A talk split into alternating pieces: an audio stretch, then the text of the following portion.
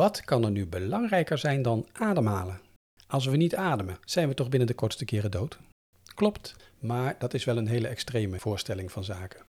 Welkom bij deze aflevering van de podcast Ademwijzer.nl. Ik ben Mark Scheffer en in deze aflevering gaan we ontdekken wat misschien nog wel belangrijker is dan ademhalen.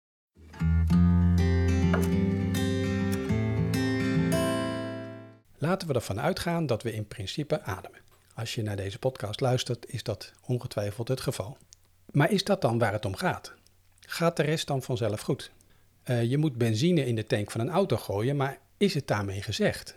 Je zou niet willen dat die benzine door een lek in de leiding op straat loopt, toch? En dat is precies wat er bij de ademhaling kan gebeuren. Tenminste, in een iets andere vorm.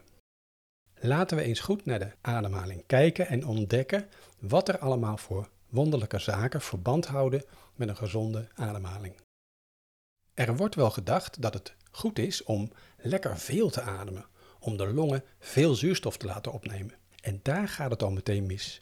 Als het zo simpel was, waarom hebben dan zoveel mensen last van een verkeerde ademhaling?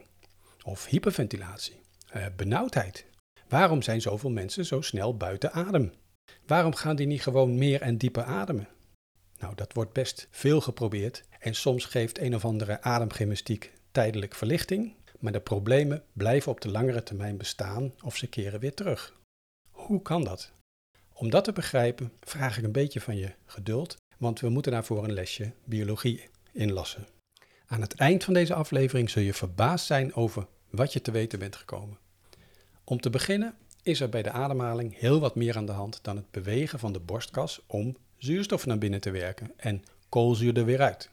En dan denken we misschien dat als de longen lekker veel bewegen, we meer zuurstof naar binnen hengelen.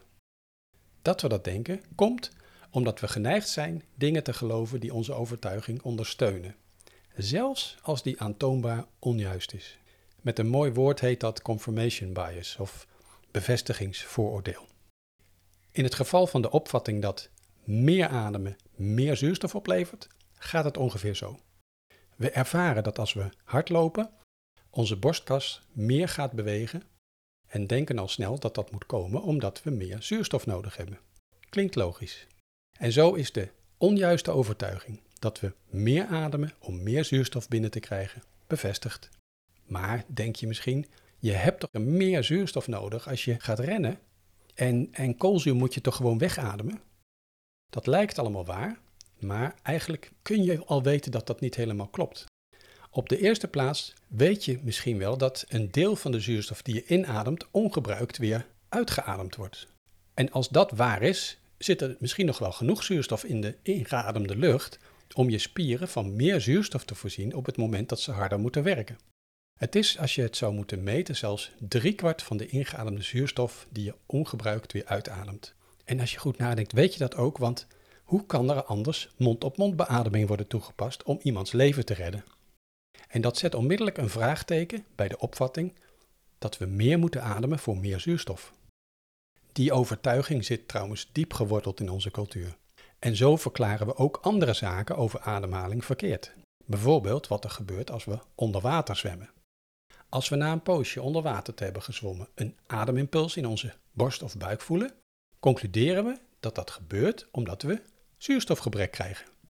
Dat geloven we vanwege onze verkeerde overtuiging dat het lichaam vooral ademt om zuurstof binnen te krijgen. En ja, tuurlijk, we hebben zuurstof nodig.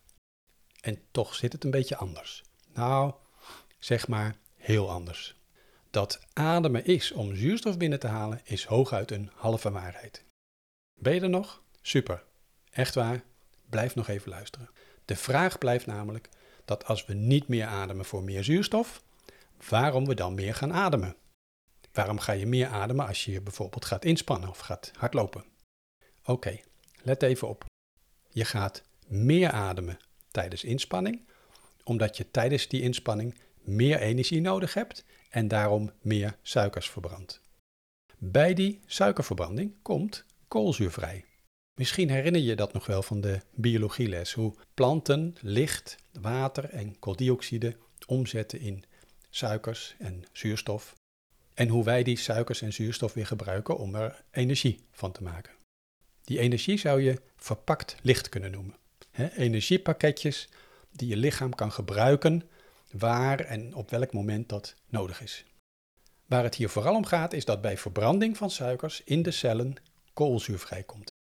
Bij inspanning en dus een grotere suikerverbranding hebben we daardoor een koolzuuroverschot en dat kan worden weggeademd. Het is om die reden dat je buik en borst harder werken om meer lucht te verplaatsen tijdens inspanning, waardoor die koolzuur bij de uitademhaling uit het lichaam verdwijnt.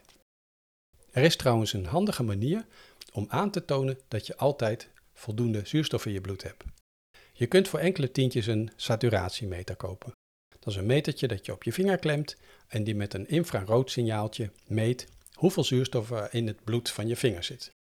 Je zult een getal zien ergens tussen 95% en 100%.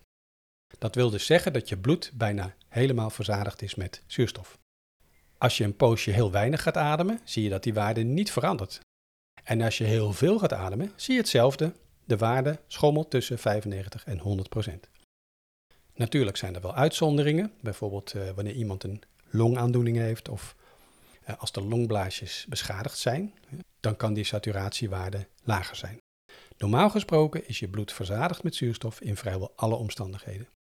Daaraan zie je eigenlijk al dat meer ademen tijdens inspanning niet zozeer over zuurstofbehoefte gaat. Er zit, zoals we eigenlijk al wisten door die mond-op-mond beademing, genoeg ongebruikte zuurstof in de lucht die we uitademen. En daar kunnen we dus tijdens de inspanning nog gewoon gebruik van gaan maken. Blijkbaar gaat het bij meer of minder ademen vooral over die koolzuur. En om dat nog beter te begrijpen, moeten we een paar extra stapjes zetten. En dan mag je jezelf al bijna een ingewijde in de ademhaling noemen. Nou ja, we hebben in deze podcast nog meer inwijdingen voor je in petto. Wat is er aan de hand met die koolzuur? Je lichaam houdt de koolzuurhoeveelheid constant en wil de koolzuur wegademen als je meer hebt dan die constante hoeveelheid. Dat heeft te maken met iets dat door het lichaam van levensbelang is, namelijk de zuurgraad van je bloed.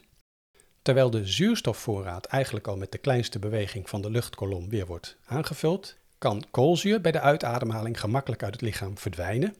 En als dat te veel gebeurt, wordt het bloed minder zuur. We noemen dat ook wel basis. En dat moet niet te veel zijn. De zuurgraad van het bloed wordt constant gehouden omdat het gewoon niet meer kan functioneren als dat niet diezelfde constante heeft. Het lichaam reageert op een toegenomen hoeveelheid koolzuur, hè, zoals bij inspanning, door meer te gaan ademen. Je ademt dan de koolzuur weer weg en dan kan die zuurgraad weer normaal worden. Dat is een uniek samenspel tussen het ademhalingscentrum en het middenrif. Want dat ademhalingscentrum die regelt de hele ademhaling.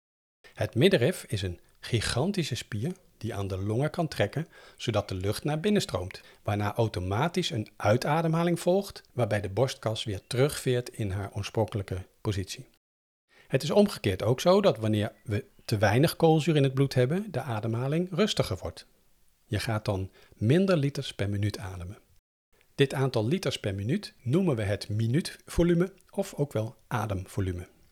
Dat ademvolume wordt als het bloed te basis wordt, tijdelijk kleiner om weer meer koolzuur in het bloed te laten komen vanuit de cellen, die suikers verbranden, zodat je die koolzuur even wat minder gaat wegademen. So far, so good, zou je zeggen. Maar er is een probleempje. Nou, eigenlijk een groot probleem. Ik denk niet dat het overdreven is om het een wereldwijd probleem te noemen. We hebben een probleem namelijk met aanhoudende stress. Wat is er al decennia lang aan de hand? Stressfactoren stapelen zich op, zodat we niet meer op tijd mentaal en fysiek ontspannen. En nu moet je weten dat stress de ademhaling verzwaart. Het vergroot het ademvolume. Er zal daardoor meer koolzuur verdwijnen, zonder dat dat wordt aangevuld omdat we ons meer inspannen. Veel stress is stress terwijl we nauwelijks bewegen. Het bloed dreigt dan dus minder zuur te worden. Dat is op zich al een probleem, zoals we zagen. En dan ligt er nog een andere leeuw op de loer, en dat is de laatste stap om te begrijpen wat belangrijker is dan ademhalen om zuurstof naar binnen te krijgen. En daarvoor moeten we terug naar het jaar 1904. De fysicus Christian Bohr wist dat zuurstof zit vastgeplakt aan rode bloedcellen. We noemen dat ook wel hemoglobine. In dat jaar, 1904, beschreef Bohr hoe zuurstof aan de rode bloedcel zit gekleefd en onder welke omstandigheden het daar weer van afkomt. Het naar hem genoemde Bohr-effect laat zien dat hoe meer koolzuur er in het bloed aanwezig is, hoe makkelijker de zuurstof van de rode bloedcel loslaat om in een cel naast de bloedbaan terecht te komen, waar het nodig is om suikers te verbranden. Koolzuur is dus keihard nodig om de zuurstof, die we al bij de geringste ademhaling voldoende in ons bloed hebben, bij de cellen te krijgen om suikers te verbranden. En zonder verbranding van suikers hebben we geen energie. Van levensbelang dus die koolzuur. Maar wat nu als we koolzuur voortdurend wegademen door aanhoudende stress? Ja, dan zitten we met een probleem. Uh, best wel groot probleem. Een probleem wat nauwelijks wordt erkend en herkend. Want het lichaam heeft hier wel een noodoplossing voor gevonden, maar dat is niet een oplossing die ons per se gezonder maakt. Het is een oplossing om ons te redden van een fataal energiegebrek. Het lichaam gaat de suikers niet meer met zuurstof verbranden. Dat kan immers niet meer, want er is te weinig koolzuur om het uit het bloed los te laten komen. Nou ja, de cel gaat dan over op melkzuurverbranding. Er worden dan wel suikers verbrand, maar de hoeveelheid energie die daarbij wordt geproduceerd is in vergelijking met de verbranding van suiker met zuurstof schokkend klein. Melkzuurverbranding geeft namelijk 18 keer minder energie. Het is voor een poosje genoeg om vitale organen in het lichaam in leven te houden, maar het maakt in de werkelijkheid van ons moderne, gestreste leven honderdduizenden, zeg maar gerust miljoenen mensen op zijn minst chronisch moe. En er volgen nog heel veel andere klachten door energiegebrek, afhankelijk van waar bij mensen de zwakke plekken zitten. Zoveel mensen ervaren de laatste decennia minder energie dan ze zouden hebben als ze niet onderhevig waren aan aanhoudende stress. Hoe we dat moeten oplossen is een onderwerp van andere afleveringen, maar voor deze aflevering kunnen we stellen dat er iets is dat veel belangrijker is dan ademhalen. En dat is dat de zuurstof, die we vrij gemakkelijk al inademen en voldoende in ons bloed hebben, dat die ook daadwerkelijk bij de cellen terechtkomt. En dat stress, wat dat betreft, het feestje behoorlijk kan verpesten, met als resultaat energiegebrek en allerlei mogelijke gezondheidsklachten. Dank voor het luisteren en ik tref je graag in een andere aflevering van de podcast ademwijzer.nl.